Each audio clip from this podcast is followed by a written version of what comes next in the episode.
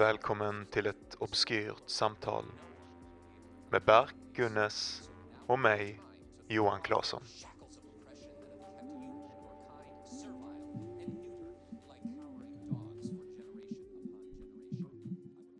Så kom jag på att vi har nog sagt det i den här I den lilla eh, sången, det spelar fan ingen roll. Ja, man kan väl för fan eh, köra lite som man vill eller? Ja. Livet är fritt.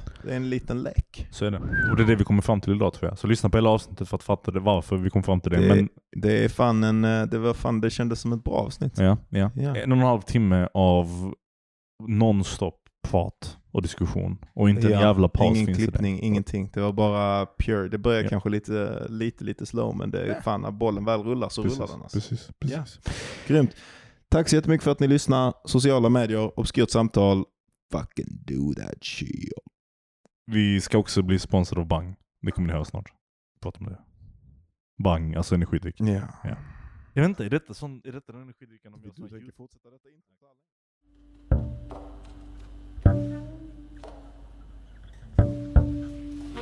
Den, den är lite godare. Den är lite godare om den är ännu kallare kan jag säga, men den är fortfarande god. Um, riktigt söt och god. Sjukt att den är sockerfri eller? Ja, ja. Den ja, ja, ja, absolut. Det är därför jag säger sockerdrycken. Den smakar Kolla sockerdryck.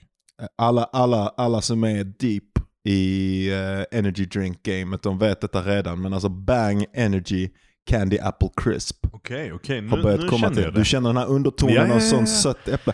Ah, ah, ah, ah, ah, ah, refreshing. Och det är sockerfritt men det är sött. ja. För att ge lite kontext, eh, Monster har inte kontaktat oss. Nej, nu går vi över till deras nya Precis. konkurrent Precis. Bang. Och den här andra, vet du den här jävla skiten vi drack Rain. för? Det Rain. är Monster som äger Rain. Och de sket ju också i oss. Det är samma företag. De sket ändå i Det är oss. Monster som skiter i oss varenda gång. De skitar oss på alla möjliga sätt. Förutom Bang. Potentiellt Bang. Vi ska höra av oss till Bang, vet du, Bang Energy, de, jag har bara hört om dem därför att de har ett riktigt sånt, de, de, eh, de eh, finansierar influencers. Men du, vänta, det är dig och mig. Det är du, det är du? och jag. Vi är fucking... Kolla här nu. I Sverige, finns det några större influencers än Johan Claesson och Bert Guneshi? Guneshi. Ja. Bert Guneshi. Gör det det? Finns det några större influencers där? Mannen, Säg namnet på en fucking större influencer till mig. jag kan inte. Jag märker att det är sån chaos magician energy idag. Alltså att det här kommer bara vara off the rails hela avsnittet. Alltså grejen är så att vi, jag är jättetrött psykiskt. Jag är jättetrött fysiskt. Och den kombinationen tillsammans är ju bara så jävla, jag vet inte vad, ingenting. Den, den, den är ingenting. Det kommer komma, jag vet exakt hur det här avsnittet kommer gå. Att vi kommer att dricka den här jävla bang energy. Det är för mycket koffein för Berk som vanligt. Så plötsligt kommer han sitta så här bara "Vänta, Jag vet inte vad jag ska ta. Och sen bara "Ah, Fan alltså nu slår bangen till alltså. Det händer varenda avsnitt. Är det så alltså? Mitt i så börjar jag babbla som en galning om det någonting var- sjukt. Men du brukar alltid bara, säga fuck, nu Ja, slog monstern till. Men det är så därför att vid, vid något tillfälle så bara inser jag att jag bara babblat och babblat och babblat utan att faktiskt säga någonting på riktigt. Och det är punkten, det är den här Balmer-punkten Ja, fast med det. energidrycker istället. Vi pratade om Balmers Peak här innan, Ja. som jag, Microsofts förra vd tror jag. Eh, som hade någon sån jävla grej, hur eh, mycket sprit man ska dricka för att vara så bra programmerare som möjligt. Att om man är nykter då är man väl okej. Men man börjar dricka och då släpper det löst. Det här är Ja, ju sant precis. verkligen när man skriver. Alltså Ja, när man skriver. ja. Alltså det kommer till ett ställe där man bara kan publicera fucking 5000 ord i timmen.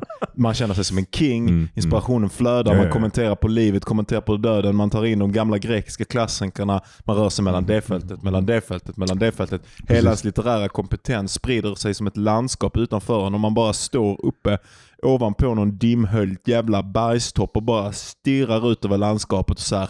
Här är det. Här är jag. Exakt. Och där är Gud. Och alltihopa, hela grejen bara flödar in i varandra. Mm. Och sen så, tar bara- man en bärs till. ja, ja, ja. Då tar man en bärs Och till. då ballar du helt och hållet. Eh, Ja, vi har alla varit där. Um, ja, jag tror hela min kapslock-skrivande grej började med en dålig bärs. När jag började skriva versaler. Just det. Och du hade en sån eh, Bark, när jag lärde känna Bark så hade han en riktig sån eh, på spektrat period. Ballade ur. Eh, Alltså sorry for ableism alltså, men, eh, men en riktig Aspergers uh, Jag visste det inte då. Då fattade jag inte att det var på spekt för att jag, jag, jag hade inte tillgång till den delen av mig själv. Men jag insåg lite senare att det var helt fucking galet. Ja, du skrev allting med, i versaler, alltså Ja. caps lock på. Precis. Och alla meningar var tvungna att sluta på samma ställe så att det blev perfekta kvadrater, texten. Ex exakt. Och du skrev ibland sämre, alltså du hade en bra mening. Och så, ja. Så du, den. Ja. så förstörde du den därför att det Ja. var så viktigt för dig att de här var grafiskt Exakt. likadana. Men det gör jag fortfarande lite. lite. Men jag har liksom blivit bättre. Jag har blivit så pass mycket bättre på att skriva i, i geometriska figurer att jag faktiskt nu inte fuckar mina meningar lika grovt. Jag gör det fortfarande lite. Därför att det händer av sig själv, det händer naturligt. Det händer ja. Att det är geometrin först. Det, det måste, alltså det måste. Och det är därför jag, jag är skitnervös inför en sak. Det är att när jag väl publicerar så kommer de liksom formatera om texten och sätta det på någon bok. Det är det de kommer inte, Ja, ja, klart. Och då kommer det inte längre passa Nej. Nej. dator och skit. Då måste jag sitta och redigera om det också. kommer vara åt helvete. Jag kommer göra det. Du får inte göra det. Jag De, måste. de, de typesätter åt dig. Nej, jag säger till dem. Jag bara, okej nu har ni typesatt allting sånt. Nu, nu är det min konstnärliga, du vet. Nu ska jag lägga till lite ja, ord och ja, grejer. exakt. Saker som fuckar upp meningarna, ta bort massa skit så att det inte blir tydligt vad som händer. Bara ludda upp hela på kalaset. Och så kommer folk kalla mig geni, vinner nobelpris och bajs för att de inte fattar vad jag skrev från första början. Det, det, det, det, det är my way. Ja, du sitter riktigt bakåtlutad och flexar din, din gun samtidigt som du säger detta. Exakt, mina Ja. gunners. Oj. Mina otränade gunners. Ehm, men jag, jag tror det började med en dålig öl i alla fall. Jag tror den idén var typ så här, oh shit, hur ska jag hantera svårigheterna med, all, med allt skrivande? När jag skriver i versaler så, jag, så, så känns det som att jag skriker och jag vrålar ut mina ord liksom över den här Just det. hypotetiska horisonten du pratade om innan. Så du kommer bortom Jag vill- den här jävla spärren. Jag ville bara stanna där liksom Mhm. hela tiden. Så sen tog jag liksom versalerna så gjorde jag om dem till, till vanliga meningar som inte var skrikmeningar. Ehm, och då funkade det lite bättre faktiskt, ibland. Alltså Mm. vissa meningar var bättre så. Därför att man hade ett visst, en viss urgency till sin text. Så tycker jag ibland, eh, ibland måste jag skriva för hand. Därför att jag måste typ sitta och skriva i lite så här pseudoskrivstil. Bara Ja. för, att, för att då är det att jag måste komma ner i ett långsammare tempo. Att jag känner att, att jag blir för fokuserad på bara drrrra Ja, istället för på vad jag skriver. Precis. Och när jag skriver för hand så måste jag fokusera på vad jag skriver. Det måste vara i varenda bokstav medan den kommer till. Jag kan inte vara tusen tre meningar framför det Ja, jag håller på att skriva ner hela tiden. Ehm, eller bara i någon slags vansinne som bara kan ta sig rot därför att jag har snabb, eller för att jag kan knappra snabbt på tangenterna liksom. Har du någon annan sån ritual eller något sånt du har, du har för dig när du skriver? Gör du, måste du göra vissa ibland saker? tänder jag ljus. Det är fan mysigt. ljus. Ja. Alltså, eh, ibland, ibland så knäpper jag upp gylfen och så. Det är, också, det, det är så. Mhm. Så Nej. du, inte, så du inte spänner i magen när du skriver? Vet du vad Berk, jag vill fan veta hur fan det... Du är ju stressad. Sleten som vanligt. Vad är det som händer med dig min bror? Eh, jag tror att jag har typ passerat någon, någon tröskel av, jag vet inte vad man ska kalla det, men plötsligt är det som att jag har gått över till en annan del av mitt arbete där jag inte längre har kontroll över vad jag gör. Eller det som Ja, jag måste göra.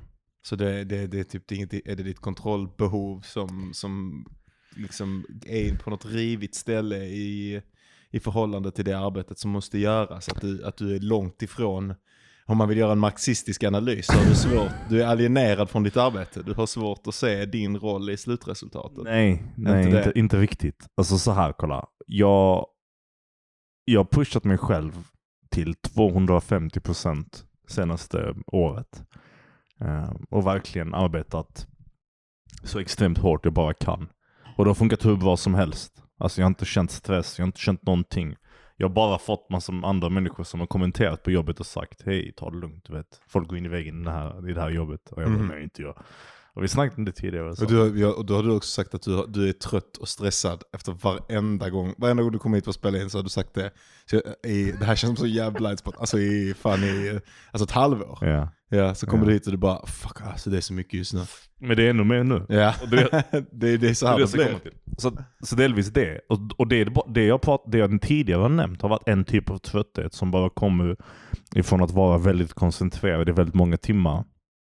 Men det är inte en trötthet som sträcker sig utöver det. Det är inte den tröttheten som gör dig typ nervös när någon annan eh, när du vaknar på morgonen och du ser att du har fått en notifikation på din telefon Åh, från någon på jobbet. Den Ja, ja, typen ja. av stress visst, som kommer liksom Men är det inte att, att jobbet bara har fått, fått bli en för stor del av ens liv lite grann? Eller att det tar upp så mycket real estate av ens tankeverksamhet? Alltså jag tycker, jag kommer ihåg, eh, nu har jag ju aldrig haft ett jobb där jag har haft den sortens ansvar som du har haft. Men jag kommer ihåg när jag jobbade svinmycket i bar. mm. Att jag också kunde få, alltså jag kunde ha så mycket ångest, speciellt om jag såg ett, ett meddelande på morgonen för jag bara, nej det, jag har tagit med mig nycklarna hem. Jag har tagit med mig restaurangens nycklar hem. Jag har glömt att hänga dem de ska vara. Eller du vet, att det alltid är, man är så, det är så många som hänger på en och man hela tiden går på en balansgång, en, en lina. Att det skulle kunna bara vara jag som har slarvat till mig därför jag inte har varit eftertänksam och nu har jag fuckat en del av driften. liksom. Alltså jag, jag antar att en del av det är det, absolut. Och det är svårt att komma ifrån när man pushar sig själv så hårt. Ja, Då kommer och det alltid när du, med tar, sig. när du tar ansvar, alltså fan du kan ju bli chef eller vad fan som helst i livet, du, du kommer ju aldrig komma ifrån det här att Mm. du har ett ansvar. Exakt. Men, men det, det är nästan som att, jag ska förklara exakt vad som hände. Så jag, jag pushade mig själv jättehårt senaste månaderna. Och jag har tagit på mig mer och mer ansvar hela tiden. Jag har alltid sagt, ja men jag kan göra detta. Och jag, ve- jag har genuint velat göra det också. Så det har inte varit en situation där någon har sagt, kan du göra detta Berk? Och jag bara, jag, egentligen innerst inne vill jag inte. Jag har genuint känt, ja fan, let's do it. Liksom, ge mig ansvar, låt mig göra saker som är utöver min arbetsbeskrivning. Eh, eh jag bara, bara trycker på, trycker på, trycker på. Som är saker, ja, du pratade om det här, ja vi ska inte gå in på det. Whatever. Eh, och sen nu någon vecka sedan så hade jag ett litet möte på jobbet som man har i slutet av whatever period man har arbetat mot. eh, som kallas en postmortem, när man, när man nämner liksom saker som har gått bra och som, som har gått dåliga. Och en person i mitt team sa typ, ja vi, vi behöver mer av det här typ. Och det är någonting jag är ansvarig för. Och såklart så, så tog jag det skitallvarligt. Alltså, Ja. så här, och det, det, hon sa det verkligen med en sån typ så här, ja men det kanske är det. Och jag hade kunnat svara bara, ja men du vet, på grund av de här anledningarna så funkar inte det så som jag skulle vilja. Men jag, jag bara direkt bara skrev upp en jävla plan på hur jag skulle förbättra det. Typ eh, skrev till min chef, så han bokade ett möte med hennes chef. Gjorde en massa överdrivna saker som en jävla idiot. Och sen kom på värsta superplanen på hur jag skulle hantera situationen. Och sen började jag implementera den.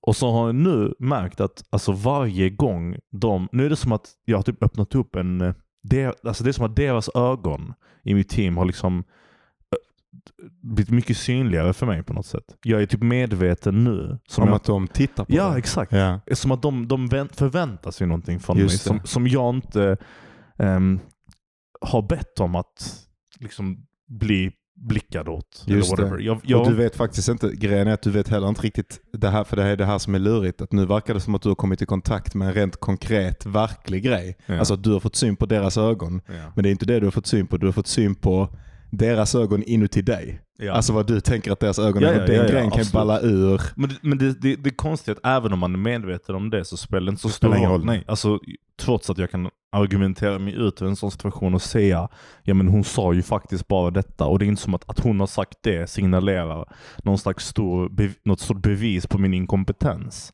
Men ändå så, så känner jag att det är så. Och varje gång, varje sak som nu skrivs och sägs läses med den tonen.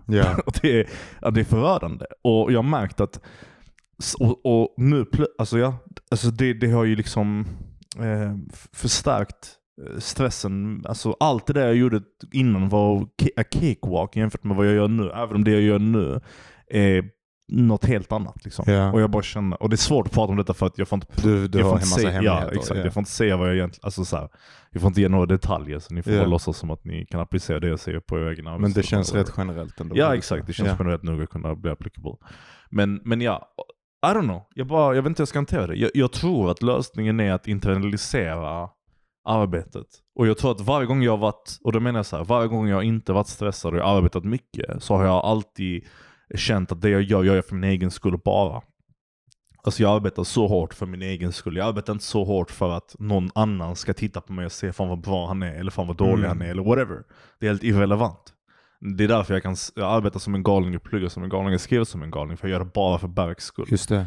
Men så fort någon annan tittar på mig så är det en helt annan historia. Ja. Och då tror jag att lösningen på detta kanske är att försöka internalisera arbetsbördan. Och, och, och, på något sätt komma fram till mig själv. Där jag kan säga, okej jag gör detta för min skull, för min egen personliga arbetsutveckling eller någon annan reason, whatever. Jag kan inte föreställa mig just nu. Så att jag inte känner deras blickar mer. Just det. Men jag vet inte om det är möjligt eller om det är bara... Du vet, jag tror att det, jag hör, eh, och jag, jag kan inte ge några jävla råd såklart, men jag, jag tänker ofta, jag tänkte mycket på det. Jag tror inte att, jag tror inte att, det, jag tror att du är på rätt väg.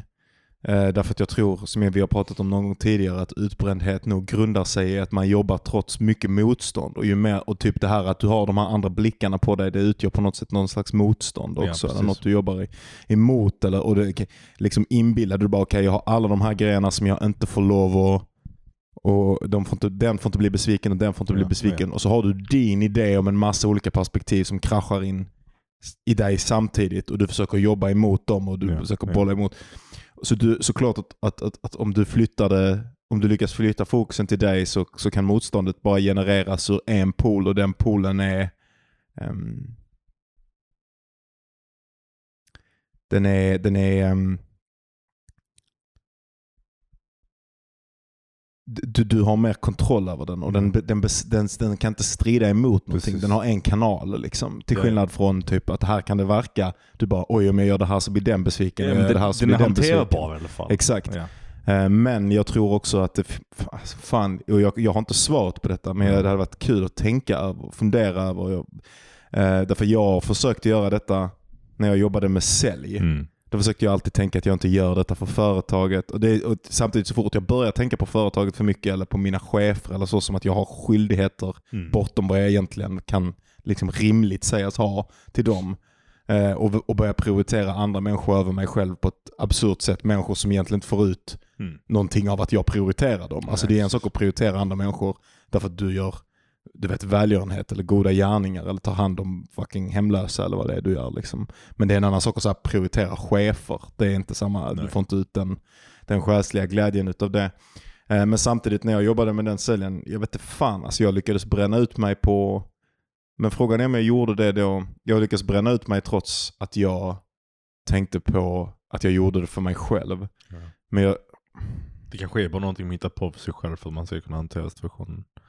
Men samtidigt, men jag alltså- känner ju en tydlig skillnad mellan när blickarna existerar där och när blickarna inte finns där. Ja. Till och med så pass att eh, om man, om man på något sätt hade låtsats som att man, man hade mindre arbetsbörda när blickarna var där än när man hade när blickarna inte var där. Ja. Så är den arbetsbördan som är mindre fast ständig blick, nedblickad värre än den som inte är. ja, jag, Vilket tror att, jag, tror att, helt- jag tror att det är den enda gången det är värt att bry sig om andra, vad andra människor tycker om en är när att inte göra det faktiskt kan såra folk. Men när det är så här, Mm. äh, alltså när man går under och bryr sig om dem och alla deras blickar och vad de förväntar sig från dig. Alltså de, alltså jag tror, alltså det, det, det, kanske du hade varit någon jävla dator som kunde räkna ut, eh, som hade tillgång till all information och kunde räkna ut den bästa lösningen utifrån all den här ingående datan. Men jag tror att ett, ett sunt sätt att tänka på hjärnan är som en, en, eh, någonting med en ganska begränsad processorkraft. Mm. Alltså obviously en väldigt stor processorkraft men en stor del av den eh, tas upp av liksom att bearbeta visu- visuella intryck och bearbeta information och Mm, hålla på med mm. tankar och allt möjligt skit. Den här vaksamma delen av din hjärna som har tillgång till liksom dina kollegor och dina arbetsuppgifter och så.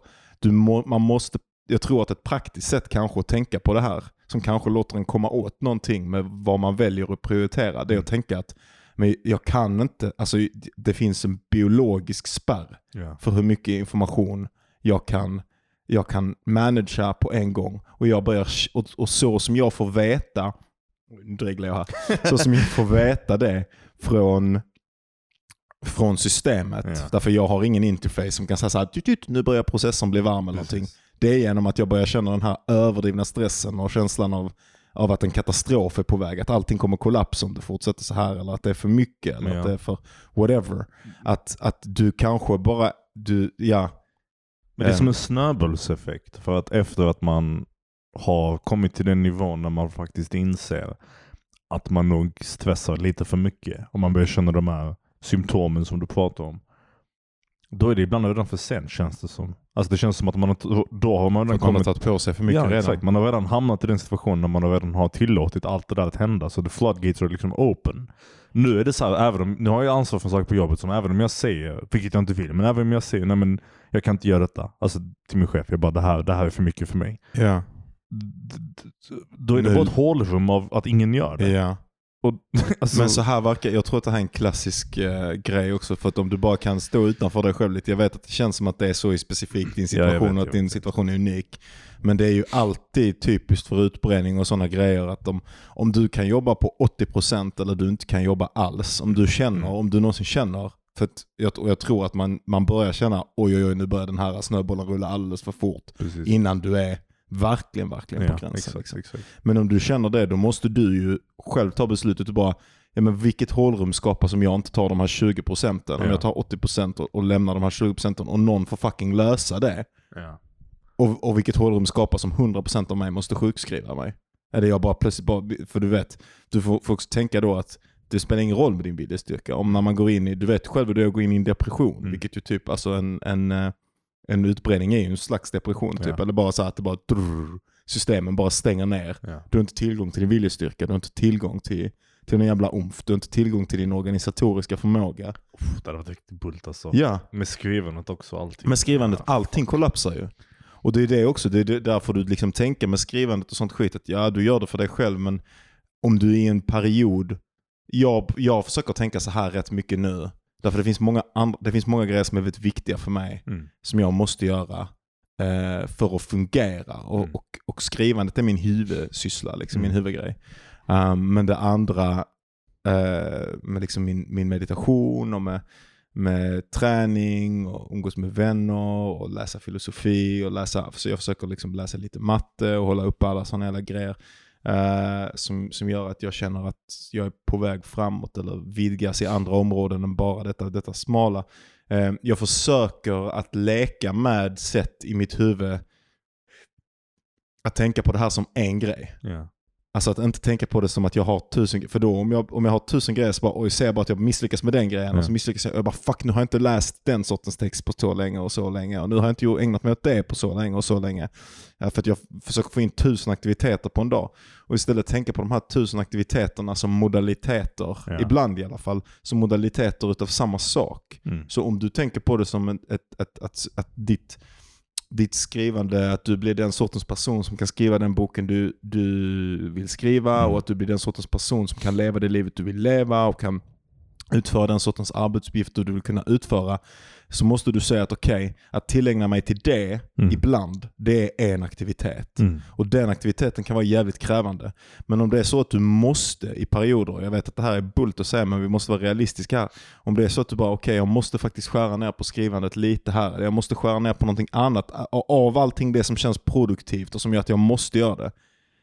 Nu, nu kommer jag säga någonting sjukt där för att jag alltid retar dig för att du spelar tv-spel och sånt men kanske behöver du mer utav en sån grej. Eller mer utav bara något shit eller mer utav att bara åka ut i skogen med Neffi eller göra whatever. Som eh, till och med grejer som känns riktigt oproduktiva. Alltså, ja. Bara för att bryta av den enda klumpen Jag- utav hets. Jag tror att om dagen är uppdelad i två, där den ena är den här hyperfokuserade arbetsperioden, som verkligen för mig är liksom från nio på morgonen till sex, är bara liksom en, en laserstråle av inget annat än bara jobb. Och fokus Ja, exakt. Mm. Och, och, och, och resten av dagen när jag kommer hem, där ligger det, tycker jag, en, en relativt fin balans av, du vet, någonting som jag tror jag kan hantera. Jag kommer hem, jag umgås med Neffi, min flickvän, jag skriver lite, jag kan spela lite på kvällen så här när hon har somnat vid typ 11-tiden. Du vet, dra någon timme eller någonting sånt och bara ha den här stunden av,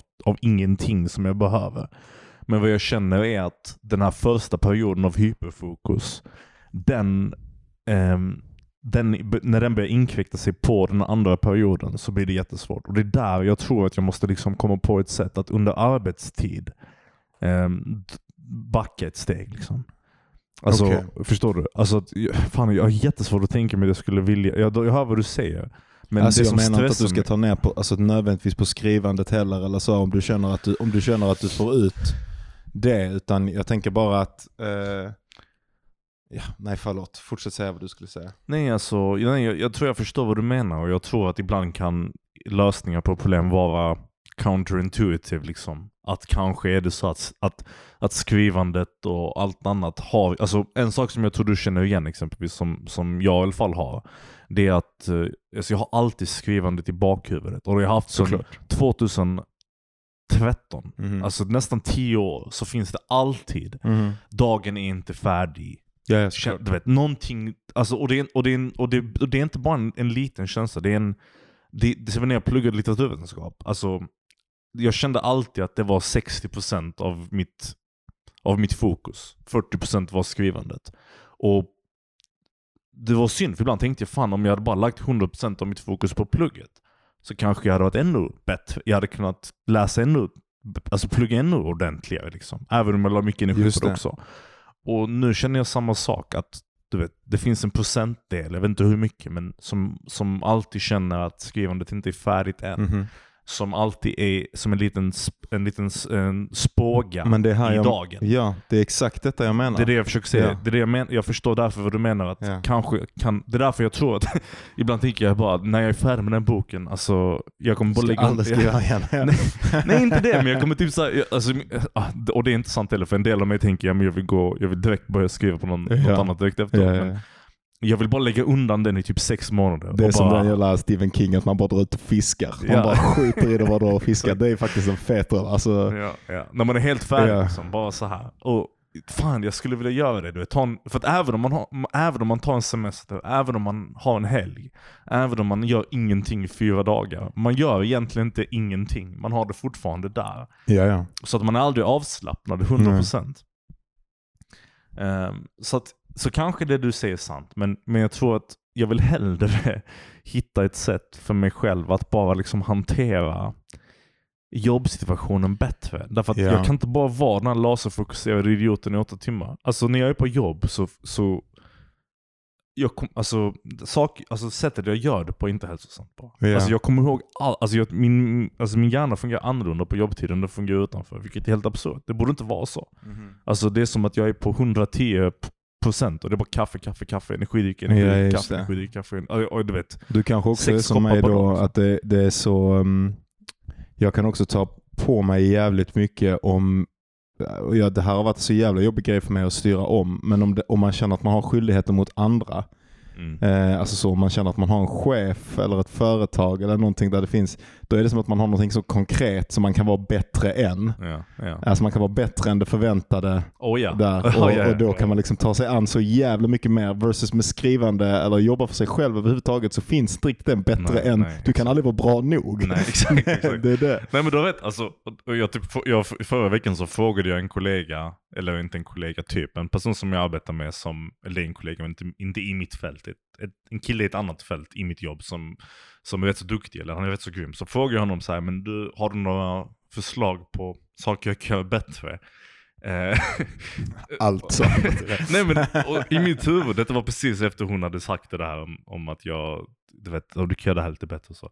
Så jag förväntade mig att han skulle säga helt ärligt, jag tycker du gör ett uruselt jobb. Alltså jag verkligen stod i mitt huvud, han bara såhär, ja, jag är jätteledsen. Och hade han sagt det så hade jag, för att han är så duktig, så hade jag bara såhär fallit ihop död liksom. Men han bara, han bara, alltså, han bara, jag kan inte svara nu men jag kan svara senare. Och jag bara, fuck nu kommer jag sitta och tänka på det en vecka. Så, så till slut, så efter kanske fem minuter, så skrev han, ja fast jag kan säga att, alltså, du arbetar ju som tre personer. Och jag är rädd att du ska antingen bränna ut dig eller bli befordrad. Och då tog jag det som en sån jätte, jättestyrka i Ja. ett ögonblick. Och inte för en bra anledning. Och det här är det in- intressanta. Inte för att jag bara sa, ah tack gud min ångest är, är, är inte liksom, den är, den är, den är onödig liksom. Det var inte för Ja. att jag fattade att jag inte behövde stressa. Utan det var, det var precis som du säger, det var den här bekräftelsen att ja. du kan vara bäst och du kan vara tre personer du vet, som en jävla idiot.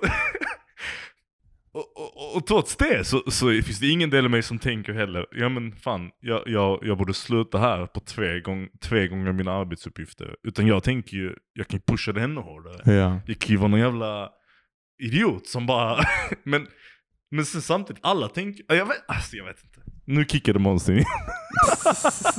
Det är ingen monster man, det är en bang. Whatever, bangen. Ja, monster, vi kommer aldrig dricka igen. Bangen. Ja, ja, ja.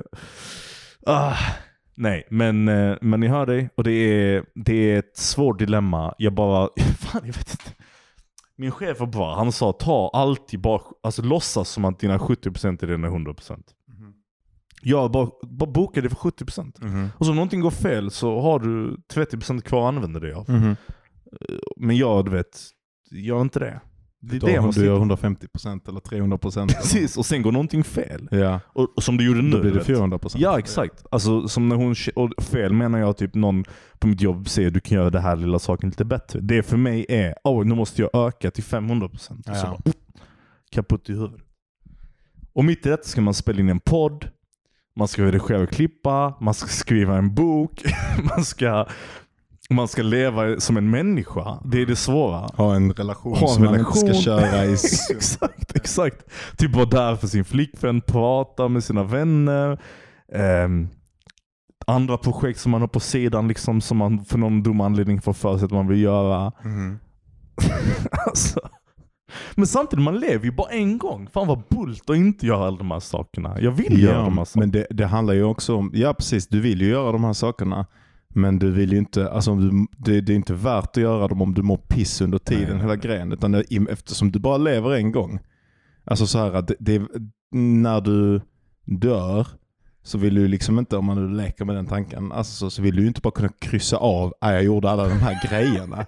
Du vill ju du vill ju tycka bara, men jag gjorde de här grejerna och jag njöt av varenda sekund av det. Liksom. Eller, på en, eller en ansenlig del. Alltså du, eller, Jag vill dö och så vill jag att de ska, ska, ska stå han, han gjorde, han gjorde tre och en halv människas arbete. Det är det jag vill. det är så. Med skrivandet, jag vill vara den som skriver hundra böcker. Fattar du? Jag, alltså det kommer inte hända, jag visst jag har redan passerat den gränsen för länge sedan. Men man vill ju vara Stephen den. King var väl ändå utgiven ganska sent, var han inte det? Ja, jag tror också det. Han, för han var, trodde han skulle vara engelska lärare för alltid Ja, eller ja, sånt skit. Ja.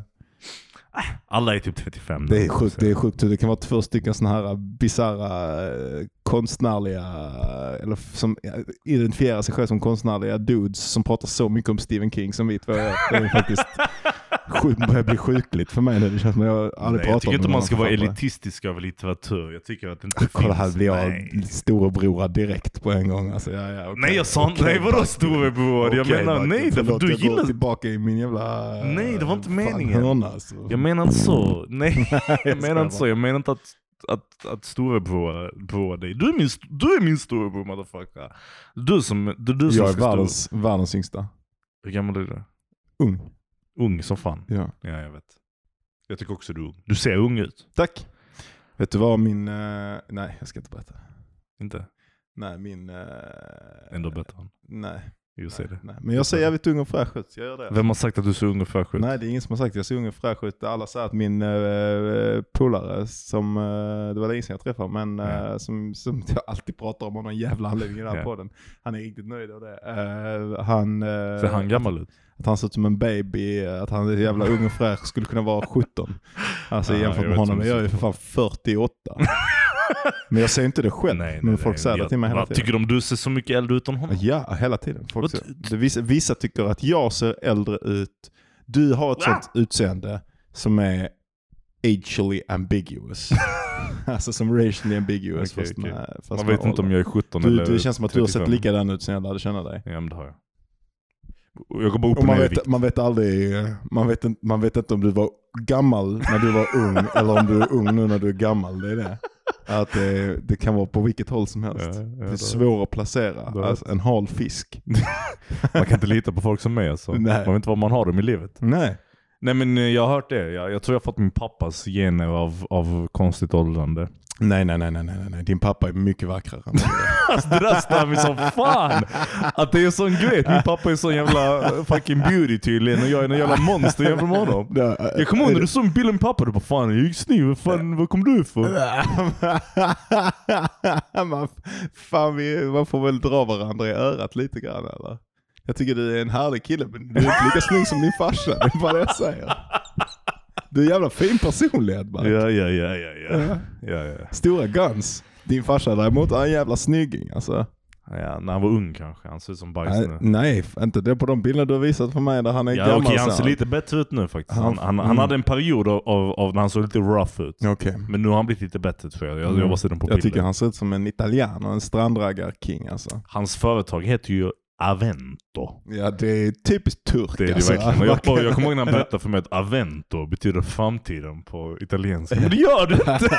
jag har kollat upp det, det betyder ingenting. Aventi, Det- finns det ett klockmärke? Ja, heter? kanske. Det är kanske där han har fått det ifrån. Ja, ja. Men vadå Avento? Det är ett bra det är namn dock. ja. Det är ett bra namn, Avento.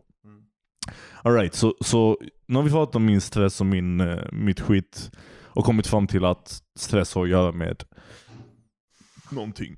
Vad fan är det med din, eh, vad händer med dig? Nej, men jag har bara haft en sån jävla... Eh...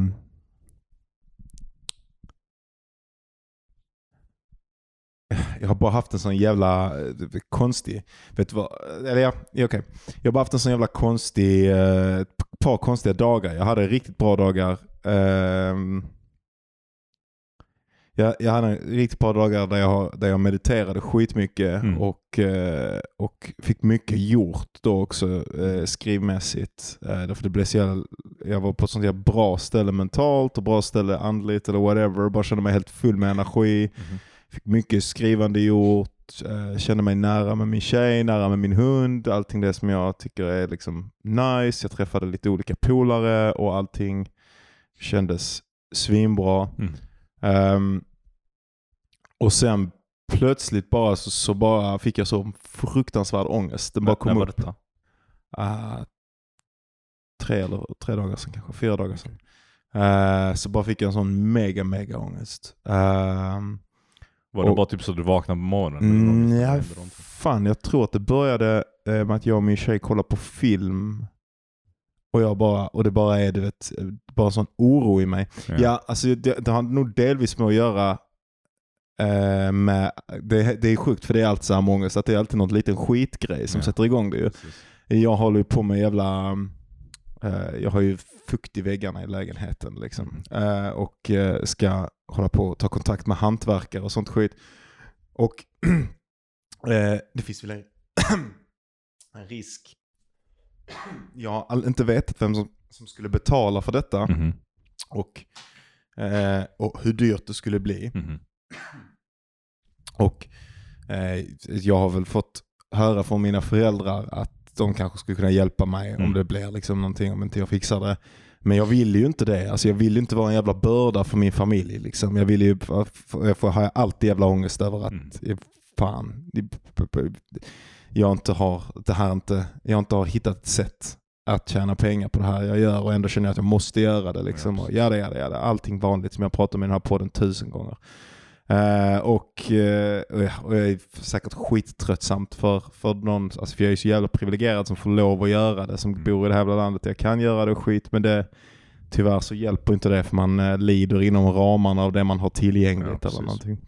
Men ja, så jag har en massa jävla våndor över detta och så, och så, så, har, så har jag den osäkerheten och så, och så blir den ehm, den börjar ladda den här grejen så jag måste ringa till den här hantverkaren, jag måste ringa till mitt försäkringsbolag och börja ta reda på vad som ska hända. Mm.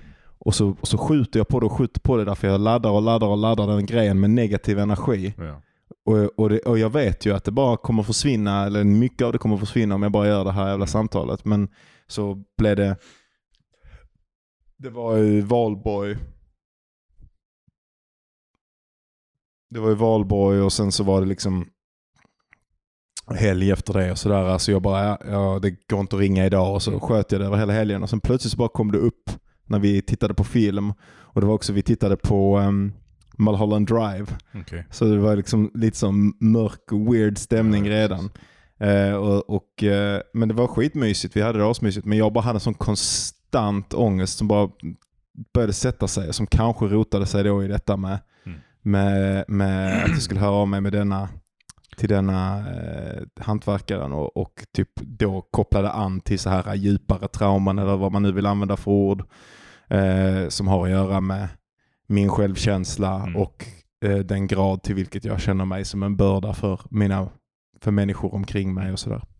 Eh, och sen så... Det Eh, är väl li- litterärt laddade symboler här i den här berättelsen by the way. ja, sen så gick jag och la mig och sen så dagen efter så bara fortsatte det. Ehm, och så mediter- mediterade jag och så mediterade min tjej med mig.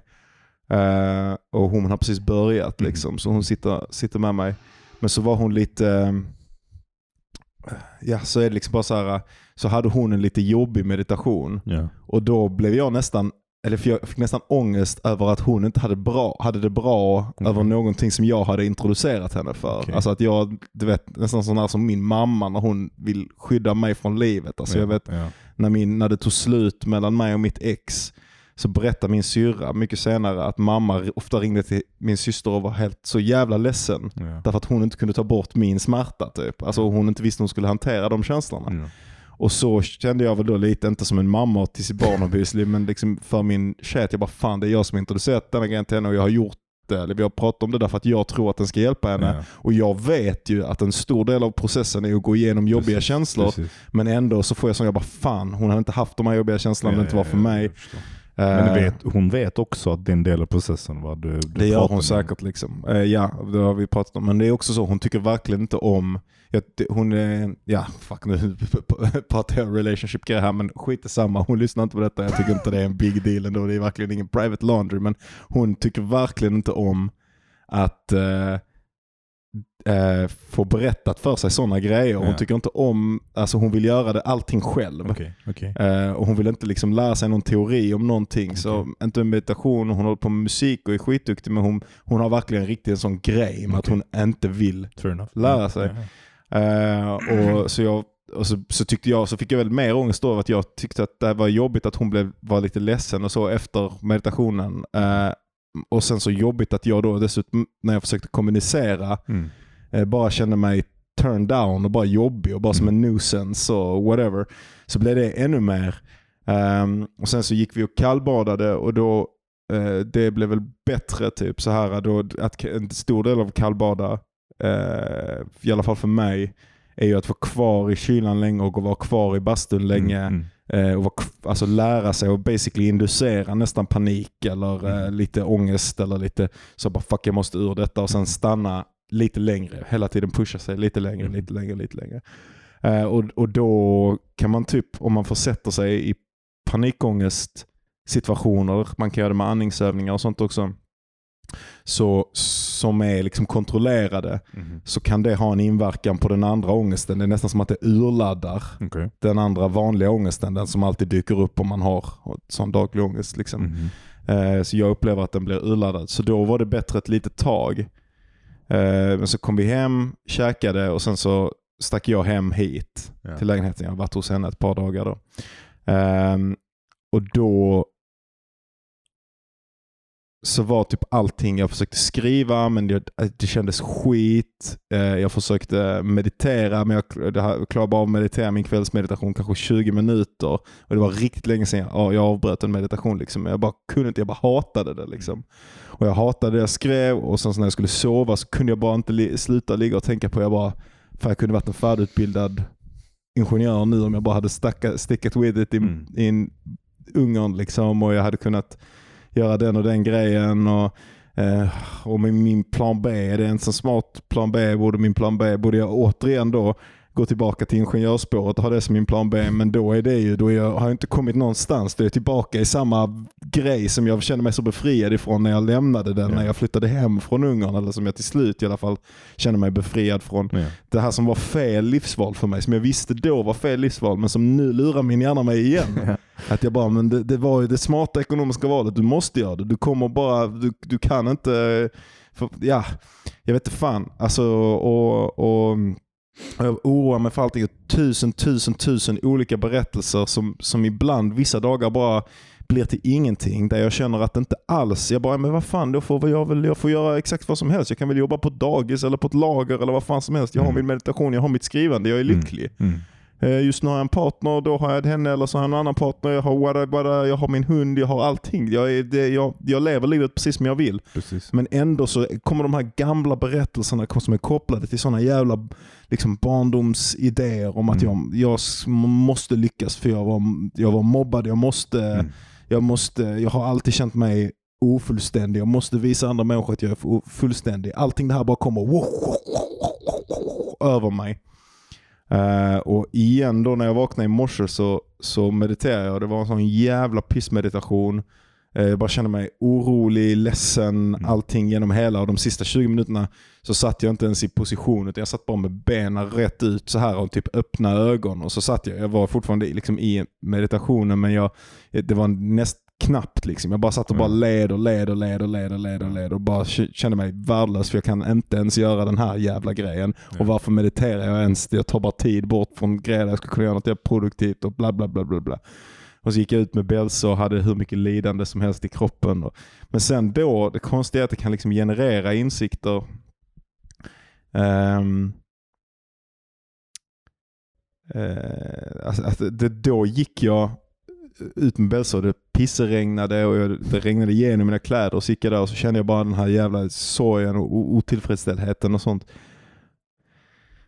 Och så, men så tog jag den som objekt. Det var liksom den jag tittade på. Jag var med den på ett väldigt nära sätt. Mm, mm. Och då kan det verkligen, kan man få sådana insikter, liksom, eller känsla av att man får en insikt. Och en sån, då har jag ju sagt det till dig innan, ducka liksom, allting är lidande. Mm. Alltså man, det, det konstiga med att få den insikten när man säger man bara jävlar vad jag är otillfredsställd. Mm. Har man bara sagt det så är det okej. Ja. Alltså det är när hjärnan bara säger det, bara, fan jag är bara otillfredsställd alltså. Ja. Jag kan inte vara nöjd med någonting. Jag försöker bara få annat eller vara någon annanstans eller vad jag är. Det. Och då bara zunk, går man in i ögonblicket. Så då var det, blev det bättre. Eh, och Sen så hade jag en skitbra dag där jag var och klättrade med mina vänner på klättercentrat och eh, med min, med min tjej. Men jag är fortfarande ett konstställe. Jag var riktigt needy med henne idag. Jag var verkligen så här behövde att hon skulle pussa mig och jag så här bara behövde en massa approval. Eh, Så jag tror jag är känslomässigt skitkonstigt. Ja.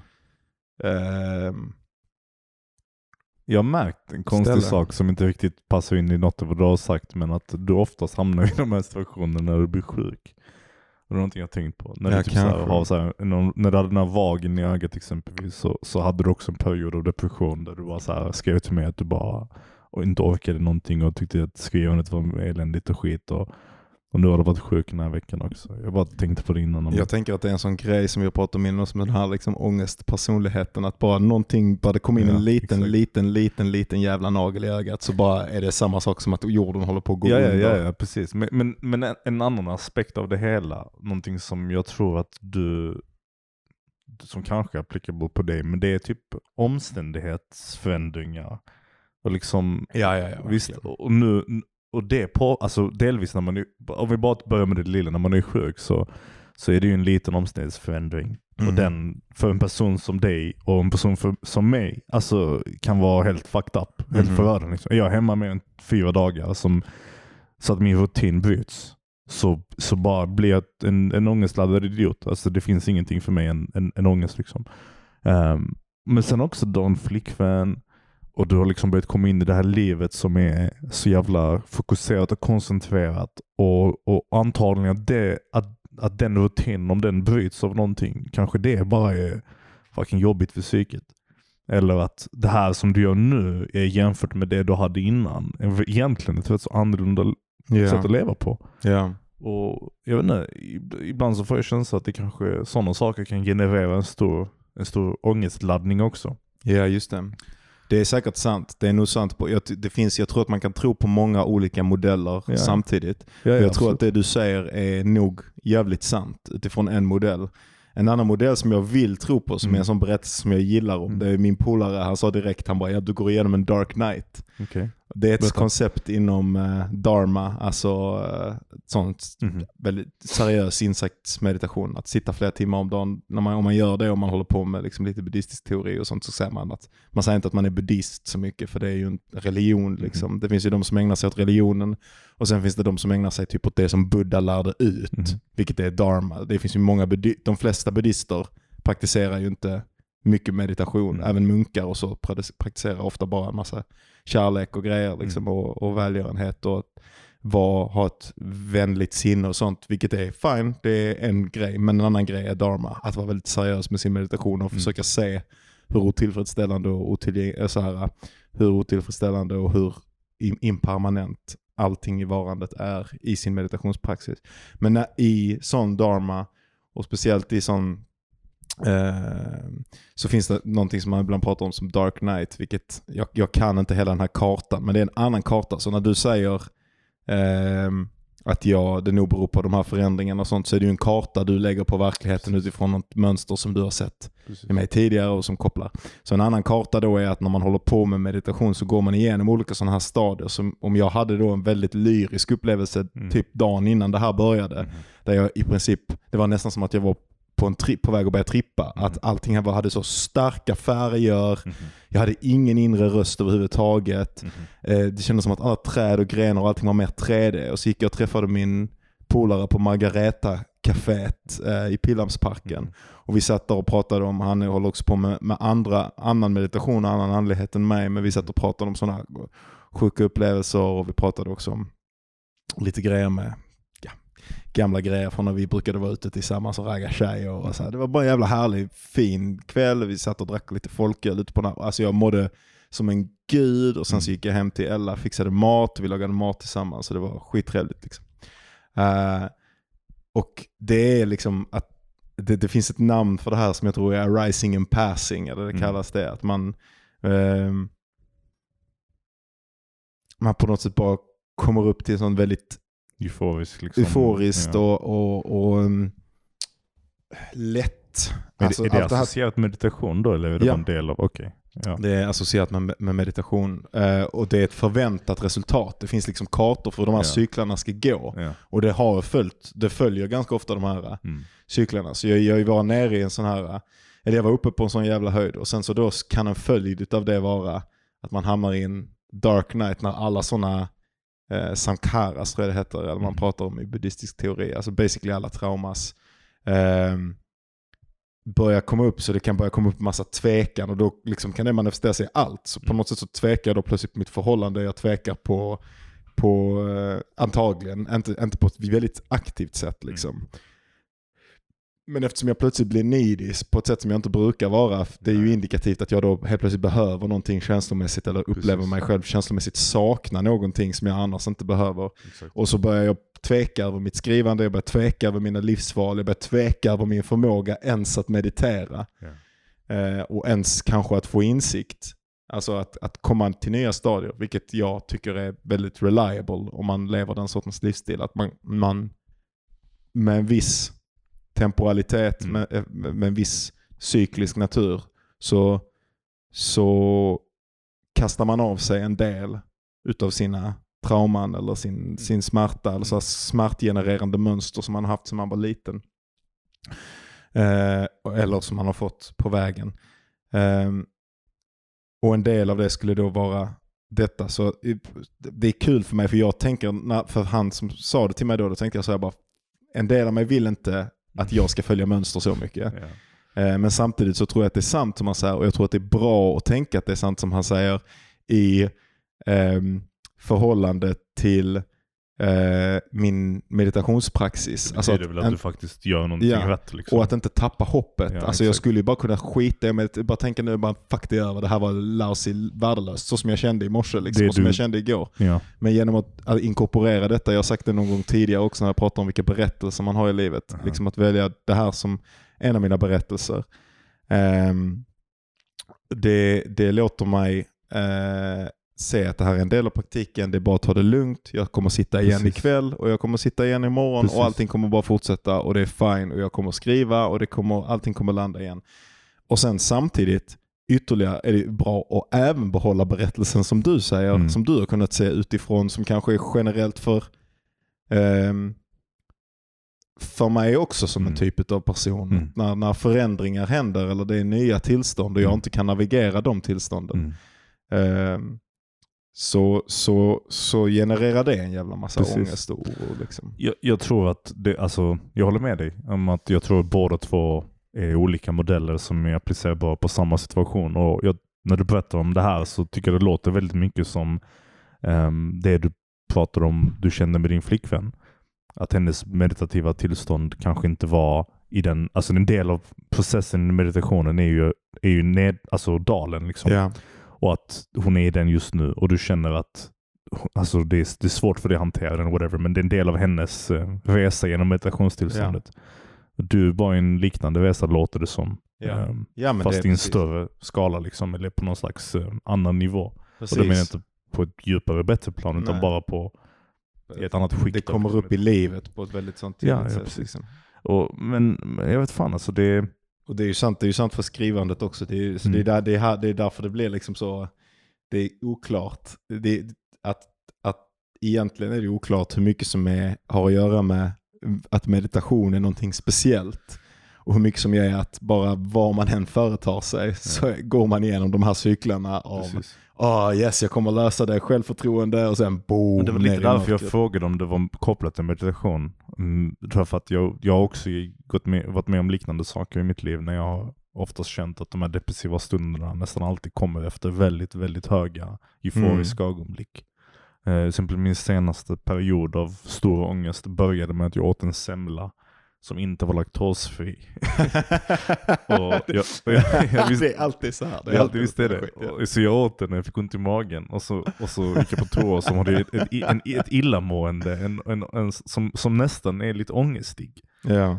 För att illamående och ångest kan vara närvarande och för mig är det närvarande. Ja, verkligen. Hunger kan vara med. Om jag inte har ätit så kan jag det sätta igång skojar. flera Ja, dagar. Precis, ångest. precis. Ja. Så, så den, den reaktionen jag fick av den här laktos, icke-laktosfria semlan fick mig att börja tänka, är detta laktos eller är detta ångest? Ja. Och så svarade jag att det var ångest Ja. och det var fel svar. Jaha. Och sen hade jag piss, mådde jag piss i ett år. och, och det, och, och, men det som var intressant var att när jag funderade på det efteråt, och det applicerar på flera, olika, på flera olika dimensioner. För att när jag tänkte på det efteråt så tittade jag tillbaka på kvällen innan jag åt semlan. Och jag tänkte på att jag satt med min, min flickvän i köket och jag bara kände en sån oändlig kärlek för henne. Att jag bara tänkte det här, det här är personen jag vill spendera mitt liv med. Och jag, jag är otroligt kär i henne och jag, jag är jätte, jättelycklig som person. Liksom. Och sen åt jag den semlan och så började ångesten med en, en direkt tanke som var motsatt till den. Och därefter föll allting. Så att det var både att piken existerade där, piken var skithög och sen kom semlan som var det här lilla, den här lilla trånga nageln eller, eller eh, whatever man vill kalla det, vagen i ögat eller någonting sånt som sen fick det att gå åt helvete. Och sen en annan sak som också fick mig att tänka när du pratade. Nu blir det en massa bara kommentarer på vad du sa för jag tycker Nej, det var det väldigt bra. intressant. Det var när, jag, när du pratade om den här insikten ute i, i, i eländet i mossen när du är ute och går med bälse och Mm. regnar och det är mö- mög. Och tycker du inte också att det är intressant hur det oftast känns som att man hittar någon slags balanspunkt när det inre mörkret um, matchar det yttre? Att det är nästan som att mög inuti matchar mög ut, utanför och sen så händer någonting när man liksom är i någon slags equilibrium tillstånd med elände. Mhm. Där man faktiskt bara helt plötsligt bara ser någonting man inte har sett tidigare. Mm. Och, och då menar jag en av mina absolut sorgligaste stunder i livet.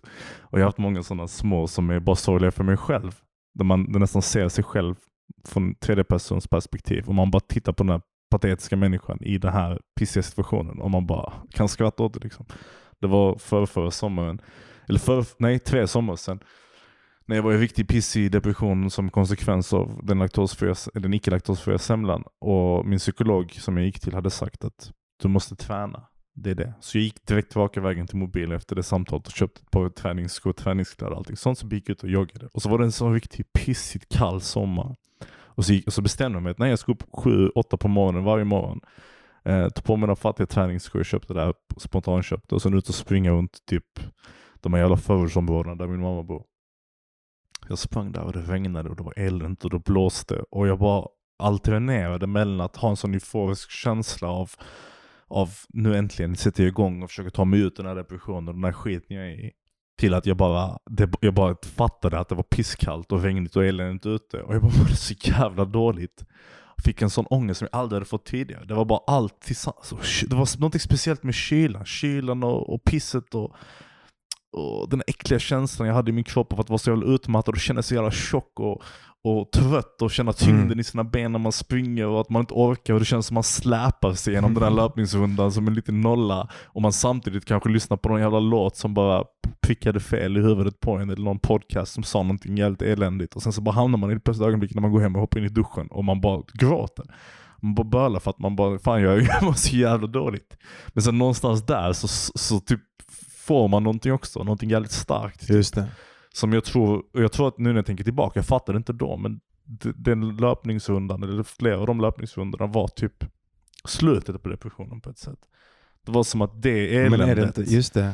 typ började resan ut. Jag vet inte om det var för att jag insåg att det var bara så pissigt att jag var tvungen att sluta med Ja. det. Eller att jag bara matchade de två lägena och det bara gav mig ett perspektiv som jag inte hade tidigare. Det finns ett namn på de här kartorna som, jag tror det fan var det, han snackade om det idag också, vilket jag tror, jag tror att det mappar på, ovanpå det du säger nu. Okej. Som är typ, det heter, eh, alltså typ recognition eller någonting. Eh, eller reintroduction, re, ja.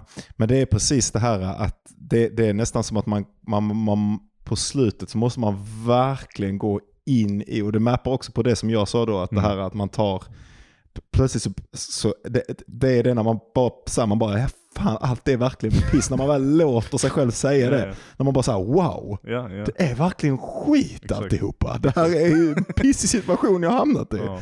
Och då bara, ah, Ja, ja, ja. kan hjärnan liksom, ja men du, det, du får lov att gråta. Du får Ja, lov att, ja. du, det är klart du mår skit. Ja. Du, det är 100 procent. Så det är inget, det är ingen illusion, det är ingenting. Det är verkligen piss.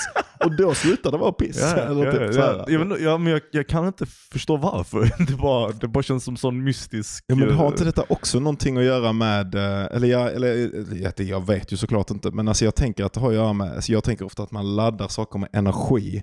Och du laddar också en aspekt, utav, när du mår dåligt så laddar du en annan aspekt av verkligheten som, som, som får dig att fortsätta må dåligt med, som är, med den här energin när du säger i varenda sekund men jag har egentligen inte rätt att må dåligt. Ja. Jag får egentligen inte Ja, må dåligt. ja. Jag får, det är inte skit. Jag vet ju att det inte är skit. Jag vet, jag, det, vår kultur lär oss det, men, bara, men du har ju det bra. Bara tänk på, men det, jag tror aldrig någon har blivit bra av att bara säga, men tänk på, tänk på barnen Nej, som nej, svälter i. Afrika. Alltså eller så här, tänk, på, tänk på, klart man kan ägna sig åt, det finns vissa som ägnar sig mycket åt tacksamhetsövningar och sånt, säger saker som de är tacksamma över. Så här. Men, men, men, men Ja, det för en, ett sorts, en sorts typ av människa i alla fall. Den sortens typ av människa som du och jag är. Eh, kanske också då den sortens människa som söker sig till insiktsmeditation. Den sortens meditationsform som jag ägnar mig åt. För det är verkligen ingen rolig meditationsform. Han jag träffade och pratade meditation med, han ägnar sig mycket mer åt sådana där hitta Gud i sig själv och bara fylla sig själv med positiva känslor och sånt skit. Insikt handlar mest om att bara sitta med saker som gör ont och sitta Mm. med saker som är obehagliga, sitta med saker som är... eh, men sen så... Ja, det, fi- det finns ju någonting fantastiskt i varenda gång hjärnan säger ja det är verkligen skit det här. Ja. Och du bara blir befriad och du bara blir befriad. Och det, ja, Men det är också någonting typ nostalgiskt med det ögonblicket också. Det är därför jag tror att det är värdefullt mest. Inte för att jag kan komma på typ ett ögonblick när jag sprang, när jag kände att jag fattade någonting konkret. Men när jag tänker tillbaka på det så saknar jag känslan på något Ja. bakvänt sätt av att vara där i det möget och bara fatta balanser. Kanske för att ehm, kanske för det som du säger, eh, eh, jag lutar lite åt det hållet själv också. Det är som att det alltid finns en, en, en eh, uppåtkamp ja. som Hjärnan man i det ögonblicket bara släpper. Ja. För att äh, 90% av tiden spenderas antagligen att säga du vet, jag, har inte, jag förtjänar inte ångesten, eller Ja. jag kommer inte ha ångesten, jag vägrar. Och hjärnan ägnar sig varje sekund av livet, om vi då inte går in på så här svinspecifika, för det här kan man, alltså om, man håller på med den sorts meditation som jag gör så kommer man väldigt långt ner i det då börjar man formulera en verklighetsberättelse som är kanske inte översättbar till folk som inte ägnar sig Mm. åt den sortens meditation. Men, men om man gör det på en, ett sätt, en nivå som är väldigt förståbar. Hjärnan ägnar sig hela tiden åt en, pro, en eh, produktionen av en berättelse om livet som i, i princip att du är odödlig, eller i alla fall att döden är så långt bort att du Mm. inte behöver bry dig. I princip att, att, eh, att det finns en massa mål och saker där ute som, som kommer att göra dig lycklig. Det Mm. finns en massa grejer som du kan få, det finns en massa saker som du kan tillsko dig, som du äger. Och, eh, och det, det finns en massa resultat som du kan nå som kommer generera lycka, men bara om de här systemen på något sätt lyckas ta dig dit Mm. eller lyckas ställa dig i linje med de vägarna som kommer leda till de Precis. målen. Och samtidigt så är din tankeförmåga och din hjärna, precis som vi pratade om innan, begränsad. Ja. Den kanske inte faktiskt kan både skapa berättelsen om målen och, och, och, och rikta det mot det och också göra det som krävs för att faktiskt få en biologisk maskin Mm. att gå i den riktningen. Mm. Så det finns en massa olika saker, olika grejer som hjärnan försöker göra samtidigt och som den försöker sammanfoga som den kanske inte riktigt klarar av. Mm. Och sen dess mekanismer för att hålla en på vägen, en väg som den kanske inte kan upprätthålla. Mm. Det är att göra dig lite olycklig om du inte gör den eller den grejen. Eller göra dig lite olycklig om du inte uppnår den eller den grejen. Samtidigt som om du inte kan generera den kraften som faktiskt krävs för att få dig dit. Och där hamnar du i en omöjlig situation där du försöker lösa en massa grejer som är olösbara i din maskin. Och nu menar jag inte detta som att, att man inte ska ha drömmar eller jaga mål eller någonting. Men det kan ju vara ännu större grejer. Alltså, du, du, allas våra hjärnor försöker ju på något sätt åstadkomma någon slags odödlighet. Ja, liksom. ja, det är bara det ja. att man löser det på olika sätt. Antingen genom att kröka liksom så här, och bara försöka ta sig bort i det via ruset. Eller genom att vara jättehälsosam eller jätterik. Allting detta är på något sätt att för hjärnan att försöka lösa eh, gåtan med att jag en dag inte ska vara här. Eller så här. Jag, jag tror det är det som för mig i alla fall får mig att ta depressioner och ångest på så mycket allvar. Ja. Typ. Jag tror att det är också en, en, en- aspekt av, av hur man bemöter den ångesten man har som påverkar hur illa det blir. Därför att när man är den typen av person som har kanske den väldigt tydliga bilden av var man vill hamna eller vad man vill åstadkomma. Eller det här narrativet som, nu, som, Ja. som, som driver den personen som jag är. När en ångest kommer in i bilden, när en depression kommer in i bilden, så är det ett stort, stort hot mot det narrativet. Mm. Och jag tar det på jättestort allvar. Alltså mycket större än jag tror kanske andra gör. Och jag tror de som tar sin ångest på mindre allvar drabbas av den mindre också på något sätt. Det är för att den är så, den är så eh, den, är så, den hotar så mycket för mig att jag vägrar acceptera den. Och i Ja, att jag det. vägrar acceptera den så, så, så blir den så mycket större också. Den växer och växer och växer. Jag tänker, jag tänker ja, precis detta, alltså det, det är att man tar ångesten på stort allvar. Jag kommer ihåg, jag pratade med några vänner till mig. Och det här är vänner som är väldigt, de är väldigt, eller vänner till familjen. Eh, de är högutbildade, de har allihopa fått bra jobb. Eh, de kommer från en bra bakgrund, liksom, eller så här bra, men alltså de kommer från, de hade, det välställt som barn liksom, Mm. och de kommer fortsätta ha det välställt genom hela livet. Och så satt jag och försökte prata om det svåra med att göra det här beslutet med skriva, eller det Mm. som jag försökte ha liksom ett känslomässigt ärligt eh, och så här moment med dem. Det jag försökte beskriva att ja, men det, på något sätt, alltså här har jag, då försökte jag skriva det som att alltså, det finns ju någonting läskigt i att byta klass Ja. eller någonting. Eh, och det finns någonting läskigt i att tänka att man kommer ha lägre levnadsstandard. Jag försökte komma åt någonting med det. Mm. Och de som har det så väl ställt tyckte jag då borde ju fatta detta på, alltså på, på något plan. Att det är alltså så att det är, har du en viss nivå eller någonting eh, av någonting så är det skitläskigt att byta bort den och det kan utgöra jättestort lid. Fuck, kan jag ens solva detta nu här utan att det låter som att jag inte säger en sak som jag säger. Det som, det som är det som jag är rädd för Ja. i att, och nu gör jag med situationstecken här då, byta klass, eller det som jag är rädd för, det är ju ångesten. Ja. Det, jag är rädd för att jag ska hamna på ett ställe där jag bara så här, fan är det bara det här livet blev? Eller Ja, någonting. ja. I, och det, egentligen är det inte mest, alltså ett, och det kanske finns en, en, en, en, en liten del av det som är någon slags eh, eh, integrerat klassförakt eller någonting. Fast jag tror inte det. Fan jag dömer inte folk som inte har, jag tror inte det är det. Jag tror att det är literally att jag är rädd för den ångesten som det kanske är om jag skulle behöva, alltså jag är inte rädd för att jobba i bar Kolla. till exempel. Ja. För att jag, är, att jag ser ner på folk som jobbar i Nej, bar eller bla bla bla. Utan Ja. jag är rädd därför att jag har varit i den situationen innan och jag såg hur extremt mycket ångest, massa olika grejer i den sortens grej genererade för mig. Men är det inte också, förlåt att jag avbryter, förlåt. fortsätt. Och, och, och hela mitt liv kan jag ju bara, allting, så jag, jag, pre- precis det som du säger, det är någonting jag vill komma åt här. Att det, är ju, det är ju för att jag lever egentligen inte mest livet för att ha häftiga upplevelser. Mm. Jag lever mest livet för att inte ha ångest. Mm. Jag gör mina val för att inte ha ångest därför att ångest är så allvarligt för Mm. mig. Jag, jag tänker Och att läskigt. jag tänker att det, det är inte ett klassförakt och det är inte ett, ett en rädsla att hamna i någon slags, eh, någon slags position där du, som du tycker tillhör en viss typ av människa eller en viss typ av person som du inte är.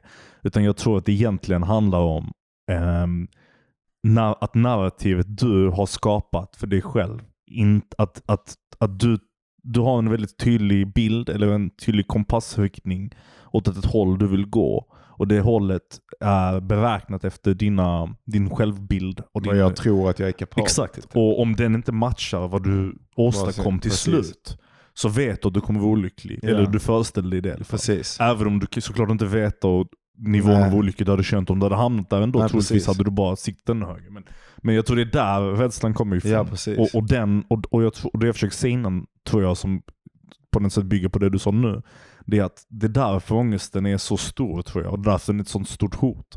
Den, den riskerar att ödelägga eh, färden mot Ja. den här kompassriktningen du har lagt upp för dig själv. Och också den lyckan du faktiskt har. ja, det är Den också. riskerar ja, ja, att ja. ödelägga familj, Precis. den riskerar att ödelägga Alltså din, din, den riskerar din, din förmåga att gå till det arbetet som Mm. du väl har Mm. då, Mm. som kanske ändå du är rimligt lycklig med. Du kanske tycker om dina kollegor, men kommer ångesten så ödelägger den. Den kan Ja, ja. göra så att du får sparken, Mm. den kan göra så att du inte kan ta hand om, jag inte kan ta hand om min hund ordentligt.